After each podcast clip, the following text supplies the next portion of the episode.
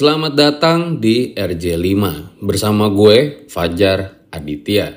Sebelum dimulai, gue mau ngasih tahu kalau nggak cuma gue, tapi lo juga bisa bikin podcast. Mulai dari rekaman, edit suara, tambah lagu, sampai bisa lo lakuin sendiri dengan platform Anchor. Satu aplikasi buat semua kebutuhan podcast. Bisa di-download dari App Store dan Play Store atau bisa juga diakses dari website www.anchor.fm. Gak cuma buat, tapi lo juga bisa langsung share dan publish hasil rekaman lo ke Apple Podcast, Spotify, Stitcher, dan lain-lain dari Anchor ini. Yang paling penting, Anchor ini gratis. Saya nyangka kejadian kayak gitu cuma ada di film-film horor doang bang.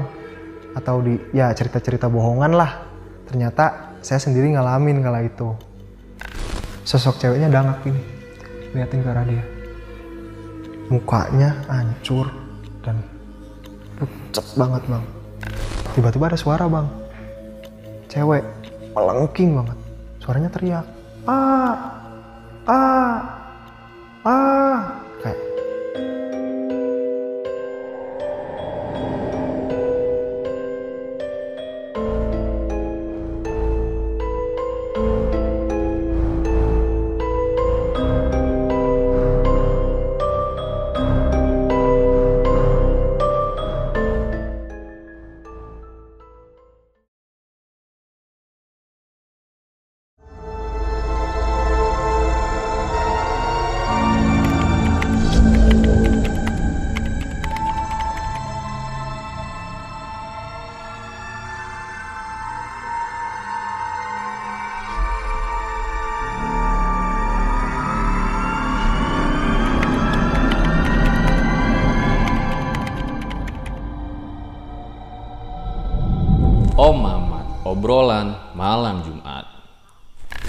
Kembali lagi bersama gua Fajar Aditya. Kali ini di Om Mamat season 2.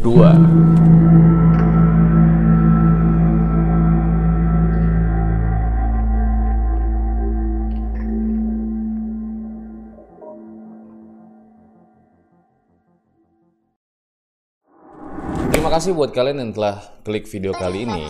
Buat para viewers dan subscriber baru, gue pengen ngasih tahu kalau Om Mamat ini ada dua playlist. Yang pertama adalah Om Mamat Special Episode with Narasumber, di mana narasumber akan menceritakan pengalaman horornya secara langsung. Dan yang kedua adalah Om Mamat Scary Tale, di mana gue sendiri yang akan membawakan pengalaman horor dari para narasumber. Sebelum gue lanjutkan video ini, tonton dulu video sebelumnya yang ini.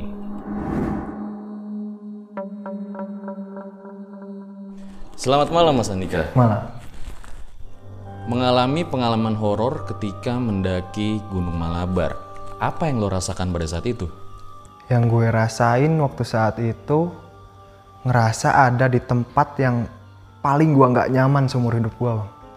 Jadi kayak di tempat itu tuh kayak gue masuk ke tempat lain yang entah itu tempat apa yang bener-bener gue sama temen-temen merasa nggak nyaman banget seumur hidup. Tapi ini unik ya, gue bilang biasanya itu pengalaman horor dialamin cuman sama satu orang. Tapi ini dialamin oleh enam orang ya kalau nggak salah. Enam orang semuanya nggak Dan enam-enamnya mengalami pengalaman horor ini.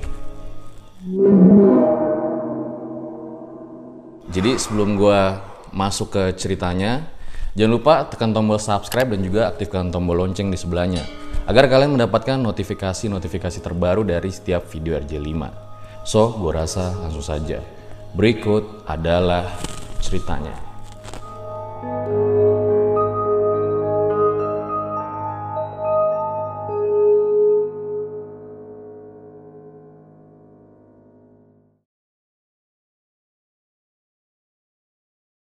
Assalamualaikum warahmatullahi wabarakatuh.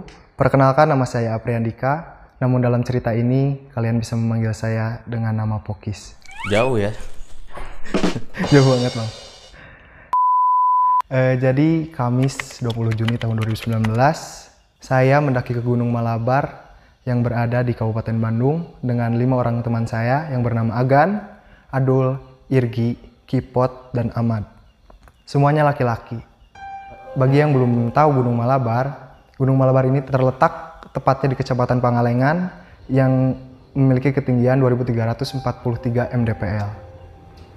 Singkat cerita, kami berenam berangkat dari rumah menuju ke perkampungan terakhir uh, pukul setengah enam sore. Perkampungan tersebut bernama Cidulang. Ketika sampai di perkampungan tersebut, kebetulan sudah masuk maghrib. Jadi kami sempatkan untuk sholat maghrib terlebih dahulu.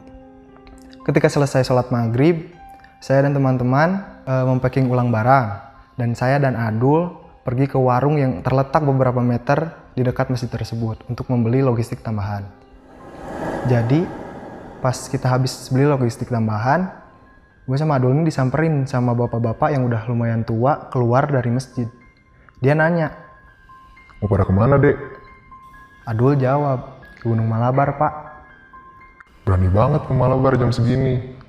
Terus Adul bilang kan, ah kan anak muda pak, dia bilang gitu.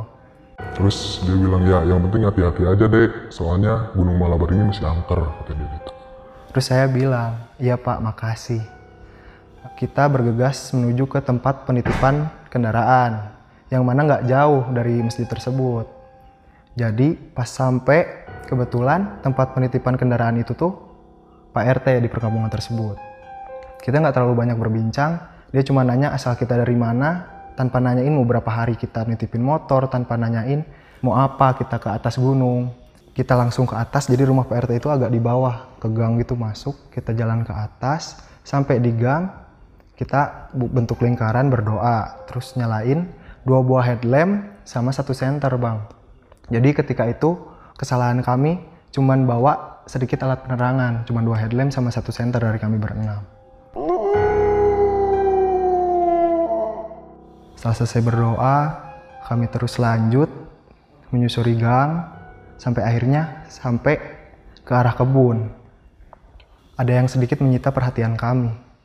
Jadi ketika itu ada seekor anjing hitam yang menggonggongi kami entah sebabnya apa bang. Kami emang agak aneh sama anjing tersebut. Kebanyakan di kampung tersebut anjing kelihatannya bergerombol dan gak ada di area perkebunan kalau misalnya nggak sama majikannya kita cukup kaget kok ini anjing kok ngegonggongin terus gitu kan nah udahlah kita hiraukan kita mulai masuk ke area perkebunan kita masuk jalan jalan jalan baru sekitar 10 menit jalan kita ngedengar suara kita semua ngedengar suara kayak suara besi yang dipukul sama besi suaranya kayak teng teng teng terus menerus kayak suara orang lagi ini ya? Iya, kayak ronda orang ya? lagi ronda gitu. Keliling ya? Iya. Nah, yang bikin anehnya tuh kita kan udah lumayan jauh dari pemukiman, udah sekitar 10 menit jalan masuk perkebunan. Kita nyari itu agak mencar sedikit buat nyari sumber suara tersebut. Tapi udah lama, cukup lama nyari, kita nggak nemu tuh sumber suaranya. Nah, akhirnya kita mutusin buat lanjut jalan, walaupun suaranya masih kedengeran jelas bang. Teng, teng, teng itu terus kayak nggak ngejauh nggak ngedekat kita terus jalan jalan jalan jalan jalan sampai akhirnya nggak cukup lama dari situ kita sampai di perbatasan antara kebun sama hutan. Nah di perbatasan antara kebun sama hutan ini kita cukup kaget lagi bang. Saya sama teman-teman nemu sepasang pemuda umurnya sekitar 25 tahunan lah. Dia lagi diem di kiri jalur bang lagi duduk berdua gitu. Nah, pas kita sorotin center ke arah mereka, mereka tiba-tiba gelagap gitu si laki-laki langsung ngambil paralon yang ada di dekatnya terus digoyang-goyangin gitu bang. Terus dia nanya, mau pada ke mana bro? Terus saya jawab sambil jalan terus, mau ke Malabar A. Terus kita jalan aja terus. Kita mulai ngomongin tuh apa yang lagi dilakuin semasang pemuda itu di tengah kebun gelap-gelap malam-malam kayak gitu. Cowok cewek maksud lo? Iya, cowok cewek, cowok cewek gelap-gelapan di kebun sepi berdua, itu. sepi banget. nggak ada Tapi orang masih pakai baju kan? pakai baju, masih pakai baju, cuman lagi duduk berdua gitu berdampingan. Kita curiga kan. Nah, udahlah kita sambil bicara itu sambil jalan, jalan, jalan, jalan. Akhirnya lumayan lama kita sampai di pos 1. Nah, di pos 1 ini kita mutusin buat istirahat sebentar. Sambil lihat-lihat sekeliling. Saya cuman mikir tuh, ini jam berapa ya sampai puncak? Kira-kira puncak masih jauh nggak ya gitu. Soalnya pertama kali itu kebetulan saya waktu itu ke Gunung Malabar. Nah, pas saya lagi ngeliat ke sekeliling, tiba-tiba saya terpaku pandangan ke satu pohon besar yang ada beberapa meter di depan saya. Jadi saya sama pohon itu cuman kehalang jalur. Saya jalur pohon beberapa meter. Di situ saya lihat bang, kayak ada sosok putih berdiri di depan pohon. Kayak ia lagi ngadap ke arah kami gitu. Yang lain mungkin gak ngeh karena lagi melingkari api unggun sambil ngerokok-ngerokok sambil ngemil-ngemil. Saya cukup kaget tuh. Apaan nih gitu kan. Kayak saya nggak bisa malingin pandangan dari situ. Dan tiba-tiba Adul nepuk pundak saya. Dia bilang, nih kuenya enak sambil nyodorin kemasan warna merah gede. Saya ngambil cemilan itulah. Saya makan, terus ngobrol nih balik badan, ngobrol sama teman-teman yang lain akhirnya teralihkan kan. Saya cuma mikir ya mungkin itu perasaan saya doang gitu kan. Nah setelah itu eh, kita mutusin buat lanjut perjalanan. Baru beberapa menit berjalan udah ada kejanggalan yang lain nih muncul. Jadi kalau kita mendaki gunung itu kan di pinggirannya biasanya ada rumput-rumput kan jalan setapak rumput-rumput atau akar-akar pohon di setiap pinggiran jalan setapak yang kita lewatin itu ada kunang-kunang. Ya nggak tahu sih ya bang bener atau enggaknya tapi setahu saya kan ada mitosnya kalau kunang-kunang itu kuku kukunya mayat atau kuku orang mati. Nah di situ kita mulai ngerasa janggal tuh sama perjalanan malam Jumat itu. Tapi ya kita tetap fokus lah coba fokus buat lanjut jalan. Itu nggak ada orang lain yang mendaki selain Gak ada. Jadi waktu itu Gunung Malabar itu belum jadi gunung konvensional bang, belum jadi gunung tempat wisata, jadi masih jarang jarang yang mendaki. Kalaupun ada yang mendaki, biasanya orang-orang yang berburu, berburu hama, seperti babi hutan dan yang lain-lain.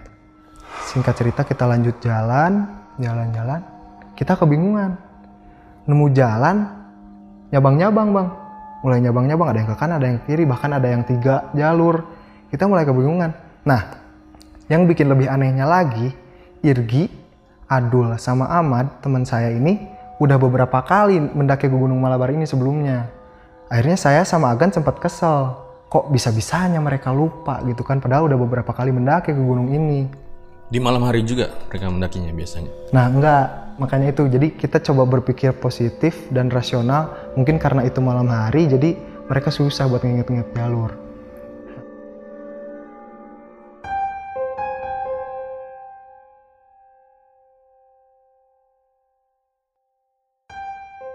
Ya, jadi maaf tadi ada yang kelupaan bang.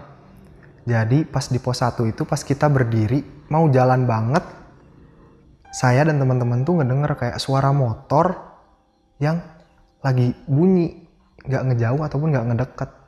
Jadi suaranya kayak lagi dipanasin di gas gitu loh. Nge gitu terus nggak nggak mati-mati. Nah kita nggak terlalu ngehirauin lah. Mungkin itu cuma suara motor dari pemukiman yang ada di bawah kita sampai kan ke jalan yang bercabang-cabang tadi kita ngikutin uh, menurut penuturan Agan, Irgi, dan Ahmad karena mereka udah pernah mendaki gunung ini sebelumnya. Malam itu bulan bersinar terang bang. Purnama. Jadi langitnya cerah banget banyak bintang-bintang. Tapi seiring kita masuk ke dalam hutan kita semakin nggak bisa ngeliat tuh. Karena gunung Malabar ini kan hutannya masih dibilang hutan banget kalau dibandingin sama gunung-gunung konvensional atau wisata. Jadi semakin dalam, rapet, gak kelihatan apa pun. Ke atas tuh gak kelihatan apa pun, cuman pohon-pohon rapet. Jadi gelap, bener-bener gelap banget. Ditambah kita cuman bawa peralatan cahaya, penerangan seadanya, dan suasana mulai mencekam bang. Gimana enggak? Udah banyak kejanggalan muncul, kita juga nggak tahu jalan yang kita lewatin ini apa bisa bener sampai ke puncak atau enggak. Tapi kita tetap jalan walaupun hati dan pikiran mulai ragu. Kita jalan, jalan, jalan menyusuri hutan yang semakin lama, semakin rapat dan gelap. Dan ketika sampai di sebuah tanjakan, tanjakan ini lurus panjang bang. Tanjakan ini lurus panjang ke atas, lumayan nanjak. Saya ngeliat tuh kayak dari depan ada cahaya yang nyorot ke arah kita. Saya sontak bilang dong ke teman-teman yang lain, gak pikir panjang. Bro, ada pendaki lain tuh di depan. Terus yang lain ayo lari lari lari lari susul susul berharap mereka itu emang pendaki lain yang mendaki juga kayak kita malam Jumat begini soalnya ingat gunung ini kan sepi banget nih sepi banget ditambah lagi kita juga ragu kan sama jalan yang kita lewatin siapa tahu aja dia bisa nunjukin jalan yang bener untuk sampai ke puncak. Udah cukup lama udah cukup jauh lari kita nggak nemuin satu orang pun bang di situ. Kita cuman sampai di sebuah batu yang cukup gede. Di situ masih bisa dipijak batunya soalnya nggak terlalu tinggi. Kita naik ke atas batu tersebut. Mana cahaya yang tadi? Mana pendaki yang tadi gitu kan? Nah kita kaget. Kok nggak ada siapa siapa di sini kan? Di situ vegetasi hutan udah mulai terbuka. Nggak kayak yang tadi nggak serapet di hutan tadi. Jadi kita mulai bisa ngelihat lagi bulan purnama sama sedikit cahaya lampu kota di bawah sana. Karena pemandangan yang cukup indah di situ, kita mulai nyalain rokok lagi, mulai sedikit ngemil lagi sambil bercanda-bercanda uh, buat nyairin suasana. Nah, pas lagi bercanda-bercanda, lagi ngerokok-ngerokok, kipot yang dari tadi selalu ngelucu, tiba-tiba bilang bang, nyium bau nggak? Lah, terus teman-teman yang lain juga nyium, termasuk saya. Dan ya mungkin bisa saya simpulkan itu belerang bang. Kaget dong kita. Setahu saya dan teman-teman Gunung Malabar ini bukan gunung berapi aktif yang punya kaldera ataupun kawah. Jadi suara bau belerang dari mana nih kan? Kita bingung. Nah tiba-tiba kipot nyeleneh nih bang wah ini mau bau telur. Bau telur busuk. Gua nggak suka bau telur kata dia gitu. Terus kita sedikit ketawa tuh dengernya. Ayo lanjut jalan aja kata dia gitu. Nah dari sini perjalanan mulai lebih mencekam dari sebelumnya bang.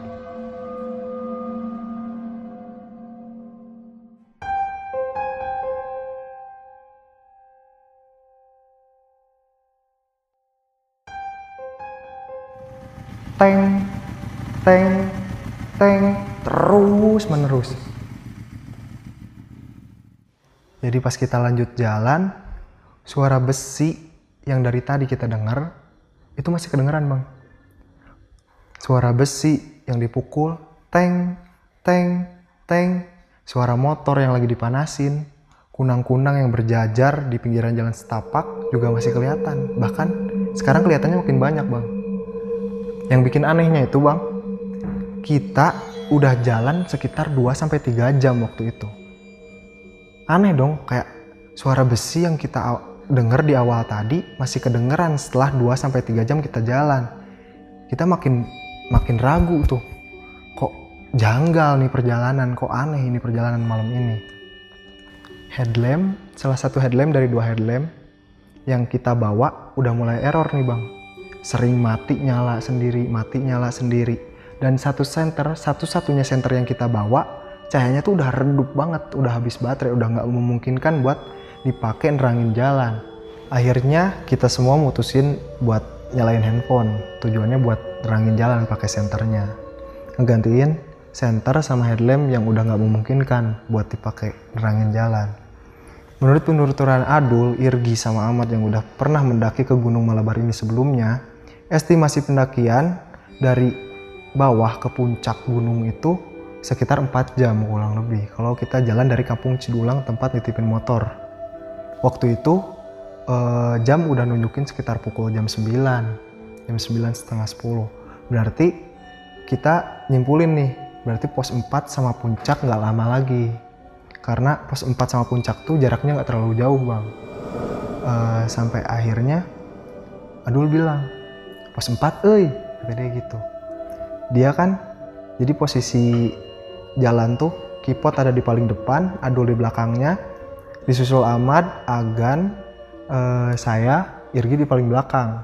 Aduh kan udah lumayan di depan tuh. Kita yang ngedenger gitu jadi semangat dong. Kita cepetin langkah untuk sampai ke tempat Adul. Nah sesampainya di situ kita duduk tuh, kita istirahat, kita mulai nyalain rokok lagi, kita mulai ngemil-ngemil lagi, mulai ngobrol-ngobrol lagi.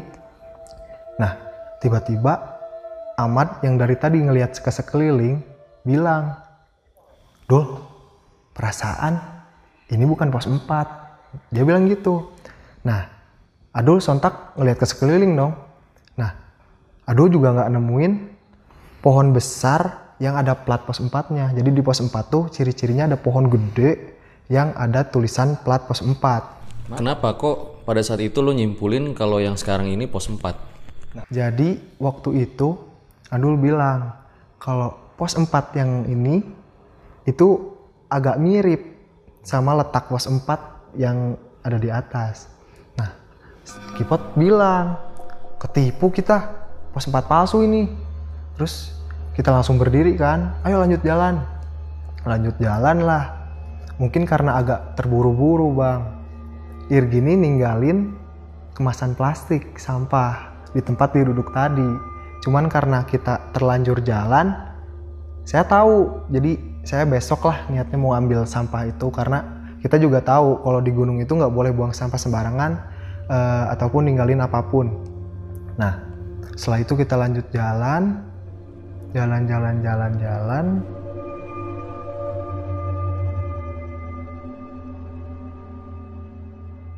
Singkat cerita, kita jalan sampai nggak terasa waktu udah nunjukin pukul 12 malam. Jadi udah melenceng tuh bang dari estimasi waktu pendakian waktu itu. Kipot yang dari tadi selalu ngelucu udah mulai banyak diem nih bang. Dia udah mulai banyak diem, terus dia di depan kan. Dia sering berhenti bang, sering tiba-tiba berhenti, otomatis kita juga semua berhenti. Pas berhenti, saya nanya, kenapa pot? Ada apa? Dia nggak jawab, dia cuma fokus ke depan, natap, mukanya tegang. Nah, dia nanya nih ke Adul yang tepat ada di belakang dia. Dul, lihat tuh, apaan di depan? Adul cuma nunduk bang, nunduk sambil merem. Nggak ada apa-apa pot, lanjut aja, lanjut aja, dia bilang gitu kan. Hai, sebelum kita lanjut, kenalan dulu yuk sama partner misteri gua. Namanya Anchor. Anchor ini adalah all-in-one podcast editing platform yang membuat gue lebih mudah untuk rekaman, edit suara, tambah lagu, dan segala hal dalam pembuatan podcast yang sedang kamu dengerin kali ini. Anchor bisa membantu kamu bikin podcast kamu sendiri. Caranya tinggal download dari App Store dan Play Store atau bisa juga diakses di www.anchor.fm. Jadi buruan download Anchor sekarang. Kayaknya mungkin dia udah ngeliat duluan nih sebelum Kipot lihat. Akhirnya kita lanjut jalan. Pas kita baru beberapa langkah maju, ngedengar suara nih bang. Suaranya berat banget, kayak suara pria tua, kayak kakek-kakek gitu bang. Suaranya kalau dalam bahasa Sunda tuh gini. Minta wudhu euy. Kalau diterjemahkan dalam bahasa Indonesia, minta rokok. Nah, kita berhenti lagi dong semua sambil saling tatap-tatapan. Adul yang mungkin gak mau bahas suara apa itu, sambil ngedorong-dorong carrier kipot, dia bilang, lanjut aja pot, lanjut aja pot. Akhirnya ya kita maju lagi lah, maju lagi. Formasi makin rapet tuh bang. Kita udah mulai tegang, semua udah mulai takut. Kita pegangan lah ke depan carrier yang ada di depan kita, teman-teman kita. Kita saling pegangan, jalan pelan-pelan, pelan-pelan.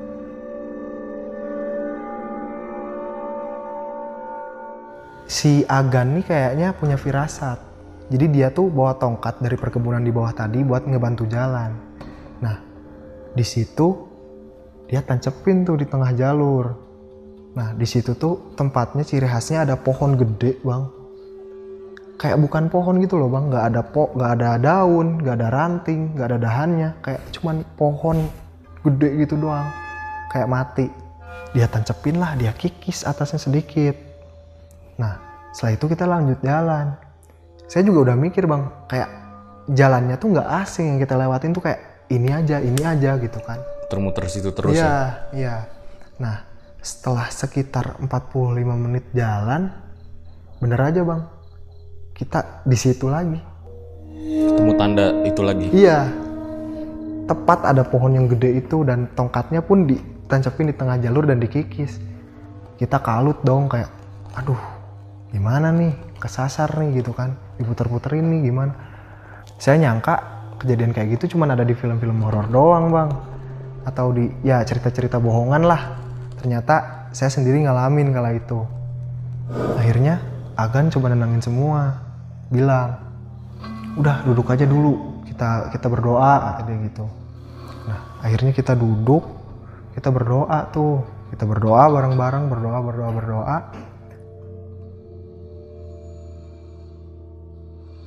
lima belas menit setelah kita berdoa jalan ketemu tuh bang pos 4 beneran di situ ada pohon gede ada plat tulisan pos 4 Jadi setelah lu berdoa, nggak lama langsung ketemu. Iya, alhamdulillahnya kayak gitu.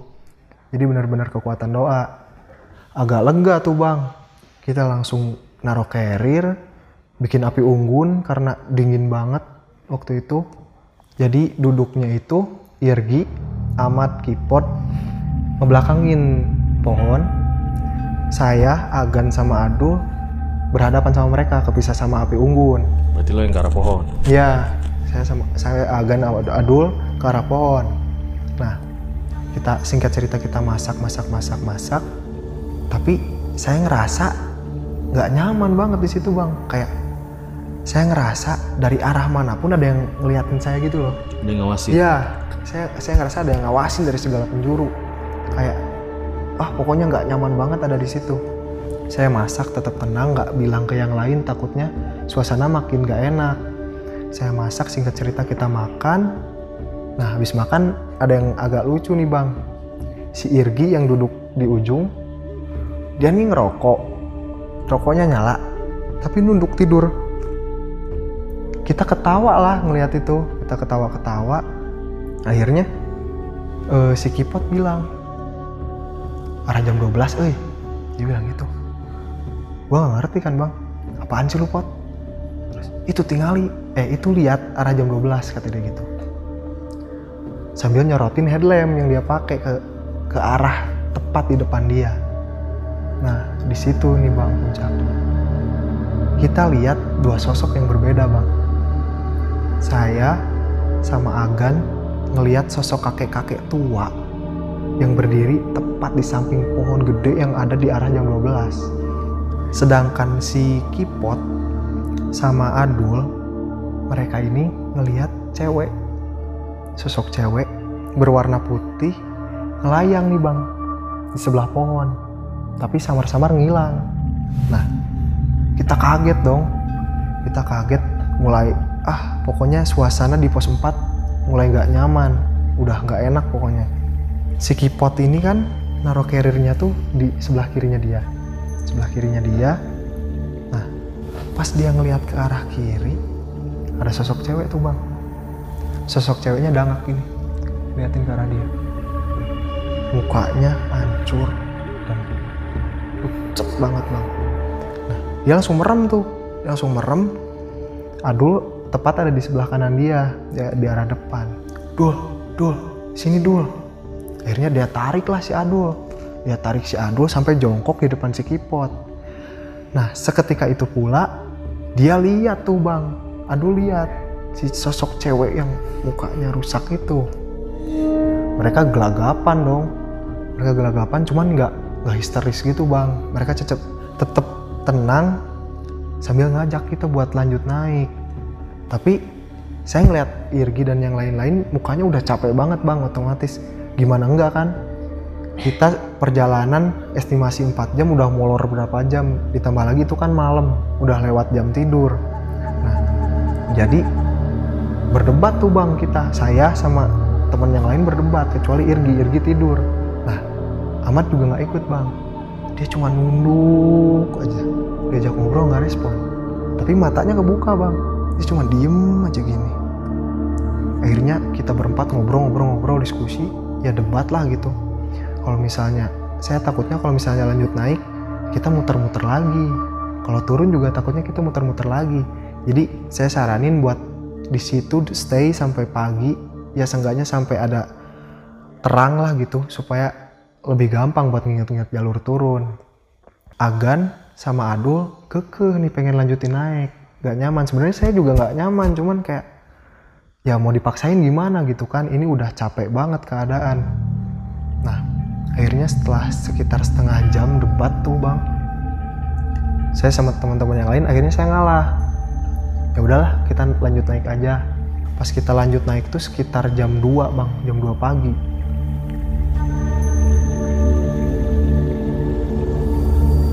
Kita lanjut jalan ngikutin jalan setapak. Satu-satunya jalan setapak gak ada cabang-cabang lagi kita jalan nih bang. Jalan jalan jalan jalan jalan. Ada yang belum saya ceritain selama perjalanan. Jadi di perjalanan itu selain hutan yang rapet kita juga beberapa kali nemuin akar pohon yang menjalar ke jalur kayak ngebentuk terowongan beberapa kali. Jadi kita ngelewatinnya itu harus kayak bungkuk bang atau bahkan ngerangkak buat lewat. Nah pas jalan dari pos 4 nggak lama kita juga nemuin sejenis itu cuman ini bukan akar pohon agak dikit berbeda. Terowongannya itu kebentuk dari tumbuhan bambu kuning yang lebih kecil ukurannya dari bambu kuning pada umumnya. Nah otomatis kita bungkuk lagi tuh buat ngelewatinnya. Pas kita semua berhasil ngelewatin uh, bambu kuning tersebut tiba-tiba ada suara bang. Cewek melengking banget suaranya teriak ah! Ah! Ah terus kita mikir kan laki lain apa ya? Apa jangan-jangan yang lain-lain gitu kan? Nah terus Kipot bilang denger nggak? Kita juga ketakutan. Iya muka kita mulai tegang mulai ketakutan saya mulai keringet dingin. Suara apaan ya tuh? Apa apa jangan-jangan penaki lain? Ahmad yang dari tadi nggak bilang tiba-tiba lanjut jalan dia bilang gitu. Cuman lanjut jalan dia cuma bilang gitu. Sampai akhirnya vegetasi udah mulai terbuka nih bang. Vegetasi udah mulai terbuka. Tandanya kan mungkin puncak udah deket. Terus saya nanya nih ke Adul yang udah pernah mendaki ke gunung ini. Masih jauh nggak sih? Terus dia bilang nunjuk. Itu puncaknya kata dia gitu. Kita mempercepat langkah dari situ. Mempercepat langkah. Nah sampai akhirnya kita nemu jalan buntu bang. Jalannya buntu ketutup batu gede banget. Bisa dibilang lebih ke tebing sih bang. Kayak tebing sama ada tumbuhan yang udah menjala, menjalar. Tandanya kan mungkin udah lama nggak dilewatin. Agan nadanya jengkel nih bilang jalannya buntu nih gimana? Terus Kipot sama Ahmad balik arah. Takutnya jalannya kelewat. Pas balik arah kita juga mencar nih yang lain. Cari jalan siapa tahu ada jalan. Nah Kipot sama Ahmad balik lagi nggak nemu tuh jalan nggak ada yang kelewat. Agan nemu jalan jadi dari dari batu itu ada jalur setapak kecil ke arah kiri yang mana bisa dipijak sih bang buat sampai ke puncak. Akhirnya kita coba lewatin kita coba lewatin tapi kayak climbing gitu loh bang. Kita pegangan ke akar-akar pohon takutnya jatuh kan. Nah si Adul yang ada di paling depan tiba-tiba bilang alhamdulillah puncak kata dia gitu kan. Nah kita langsung cepet-cepet kan beneran tuh bang sampai puncak nah alhamdulillah setelah sampai puncak yang pertama kita lakuin tuh naruh carrier buat api unggun dan segala macam kita mulai berani ngobrol nih bang tentang apa-apa aja gangguan, kejanggalan yang kita rasain, kita dengar ataupun kita lihat selama perjalanan masing-masing. Nah, Irgi membuka pembicaraan nih bang. Dia bilang, sebenarnya gue pengen buang buang air kecil dari bawah, cuman nggak berani. Soalnya nggak denger kayak ada suara yang ngikutin gue di belakang, kata dia gitu. Nah, terus si Adul tiba-tiba nyaut dia bilang gue lihat perempuan melayang di pinggir pohon kata dia gitu kan di pos 4 terus si Kipot juga bilang gue juga lihat yang itu terus uh, saya sama Agan yang lihat kakek-kakek juga ikut nimbrung kan. Agan bilang gue juga lihat kakek-kakek tua. Ya jadi posisinya dia gini di pinggir pohon. Liatin ke arah kita bang. Terus Ahmad yang dari tadi nggak banyak ngobrol tiba-tiba bilang bang gue juga lihat perempuan serem di pos 4 nah di situ saya ngerti oh ternyata ini alasan Ahmad nunduk aja nggak mau ngobrol sama sekali. Akhirnya kita berbincang berbincang berbincang tentang kejadian-kejadian apa yang kita uh, dengar. Akhirnya kita mutusin buat gelar tenda. Jadi nggak didirikan tendanya. Kita gelar doang. Adul, Ahmad sama Irgi tiduran tuh di situ. Saya Agan sama Kipot masih diem di depan api unggun sambil ngobrol. masih masih ngobrolin yang tadi ke mana aja ya sampai sekitar 4 jam lamanya kita nyasar. Jadi pas sampai puncak itu tepatnya pukul 2 lebih 37 menit waktu itu. Jadi kalau berpatok pada estimasi waktu pendakian molor 4 jam lebih dong. Ke mana aja tuh kita? Dulu saking penasarannya sampai detail ya lu inget ya? Ya alhamdulillah. Masih ingat sampai sekarang. Kita habis ngobrol-ngobrol, ketiduran tuh bang, sekitar jam 5, sa- 5 pagi habis sholat subuh. Nah, Agan sama Kipot udah bangun duluan, ngebangunin saya, cuman saya masih ngantuk waktu itu, jadi milih buat tetap tidur. Jadi di puncak ada yang masak-masak, ada yang foto-foto, segala macem. Dan akhirnya pada pukul 9 kita memutuskan untuk turun.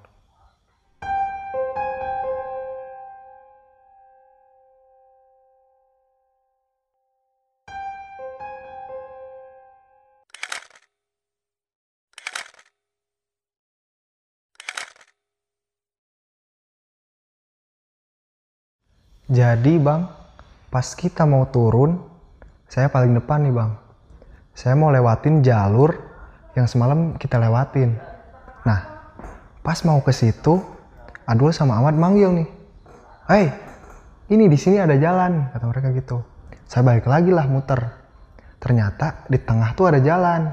Kita susurin jalan itu sampai di tempat ke batu semalam.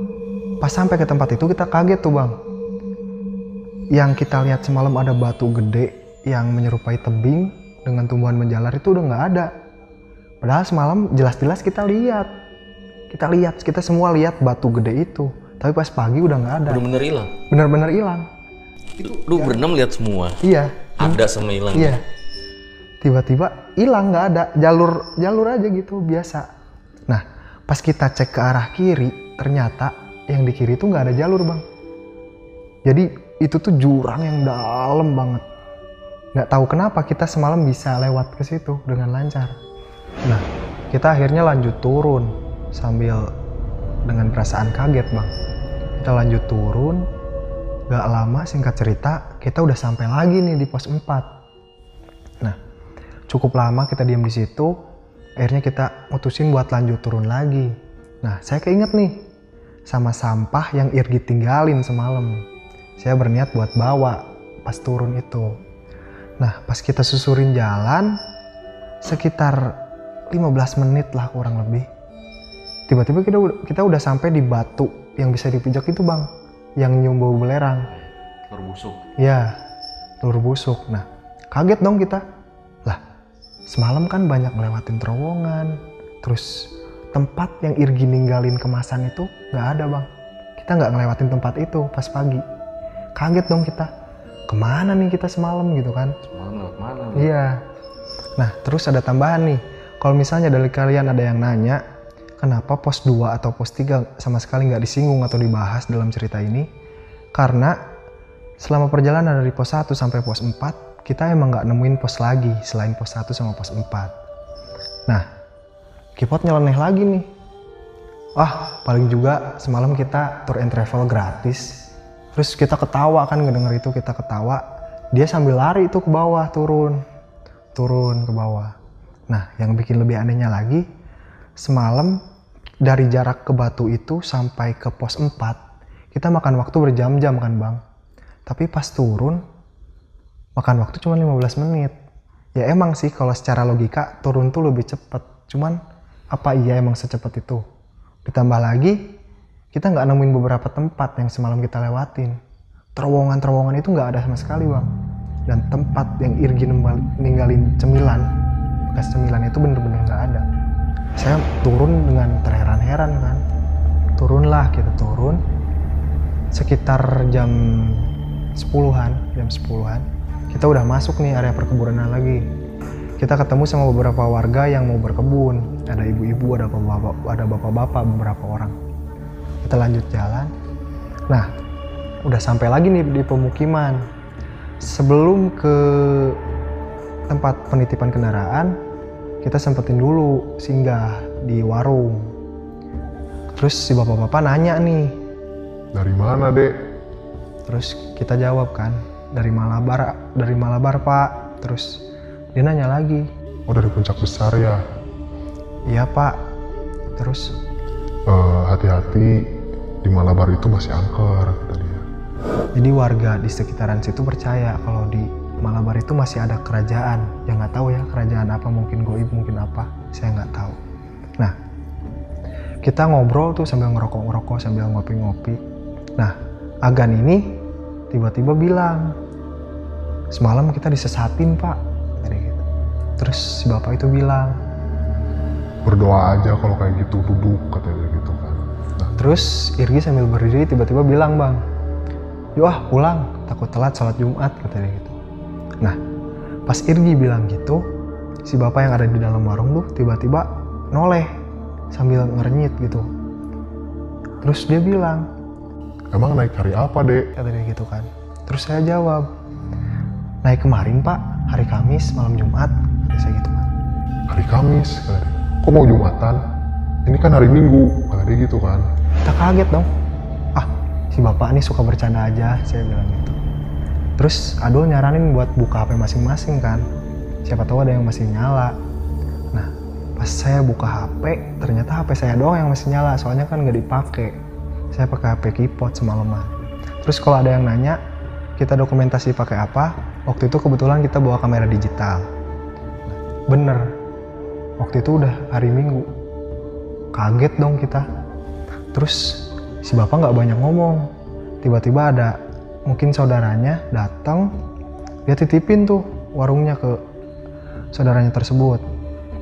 Dia bilang, Ayo ikut saya kata dia gitu kan. terus kita ikutin dia ke rumah, sebuah rumah. Gak tahu punya siapa.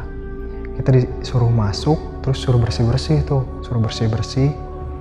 Terus kita duduk, ditanya, Tolong ceritain secara detail semalam kejadiannya apa aja. kita ceritain lah dari masing-masing dari kita apa yang kita alamin apa yang kita rasain apa yang kita lihat apa yang kita dengar masing-masing dia bilang Untung saja kalian malam tadi berduduk dan berdoa. Kalau enggak, nggak tahu gimana kalian sekarang. dia bilang gitu dia ngasih air dia ngasih air dia bilang Setengah untuk diminum dan setengah untuk dimandikan, kata dia gitu. udahlah singkat cerita kita pamitan pulang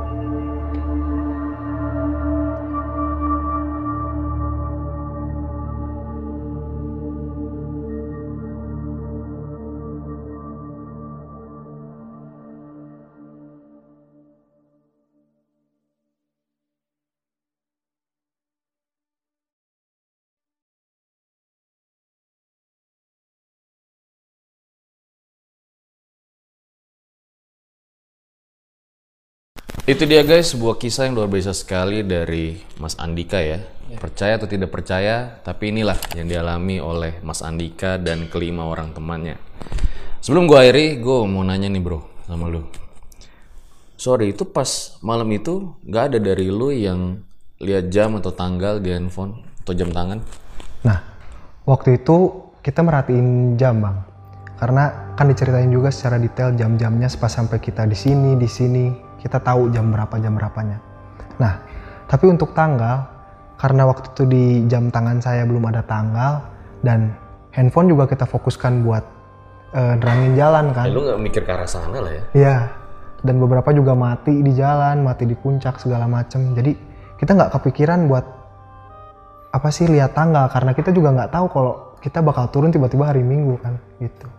Tapi setelah kejadian itu, semua udah normal-normal lagi, nggak ada yang aneh-aneh lagi. Eh, beberapa hari setelah itu kami ngerasain ya sedikit gangguan-gangguan kayak mimpi-mimpi buruk bang atau ya mungkin kadang berat berat pundak segala macem. Tapi alhamdulillah semakin ke sini hilang dan trauma kita juga hilang. Mimpi buruk kayak gimana maksudnya? kayak Kipot sempat cerita ke kita kalau dia didatengin sosok yang mungkin gak jelas ya rupanya seperti apa. Yang jelas dia didatengin sosok su- suatu sosok gitu di mimpinya beberapa hari.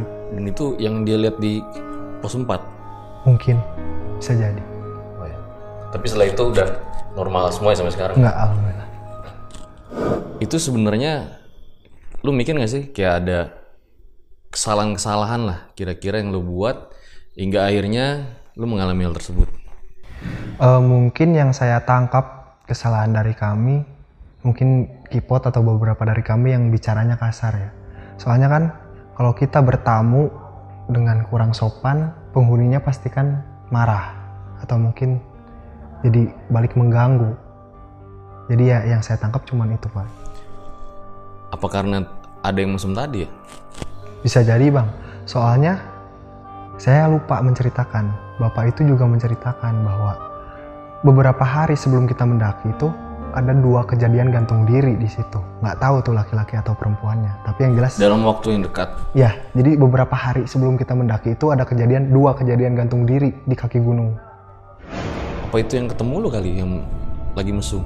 Mungkin, mungkin bisa jadi. Tapi gue salut sama teamwork lo. Dan ketika lo mulai mungkin bingung ya mungkin agak sedikit putus asa di situ lo berdoa bersama-sama hingga akhirnya lo kembali ke track yang semestinya. Thank you banget nih Mas Andika telah menyempatkan waktu datang ke RJ5. Sama-sama.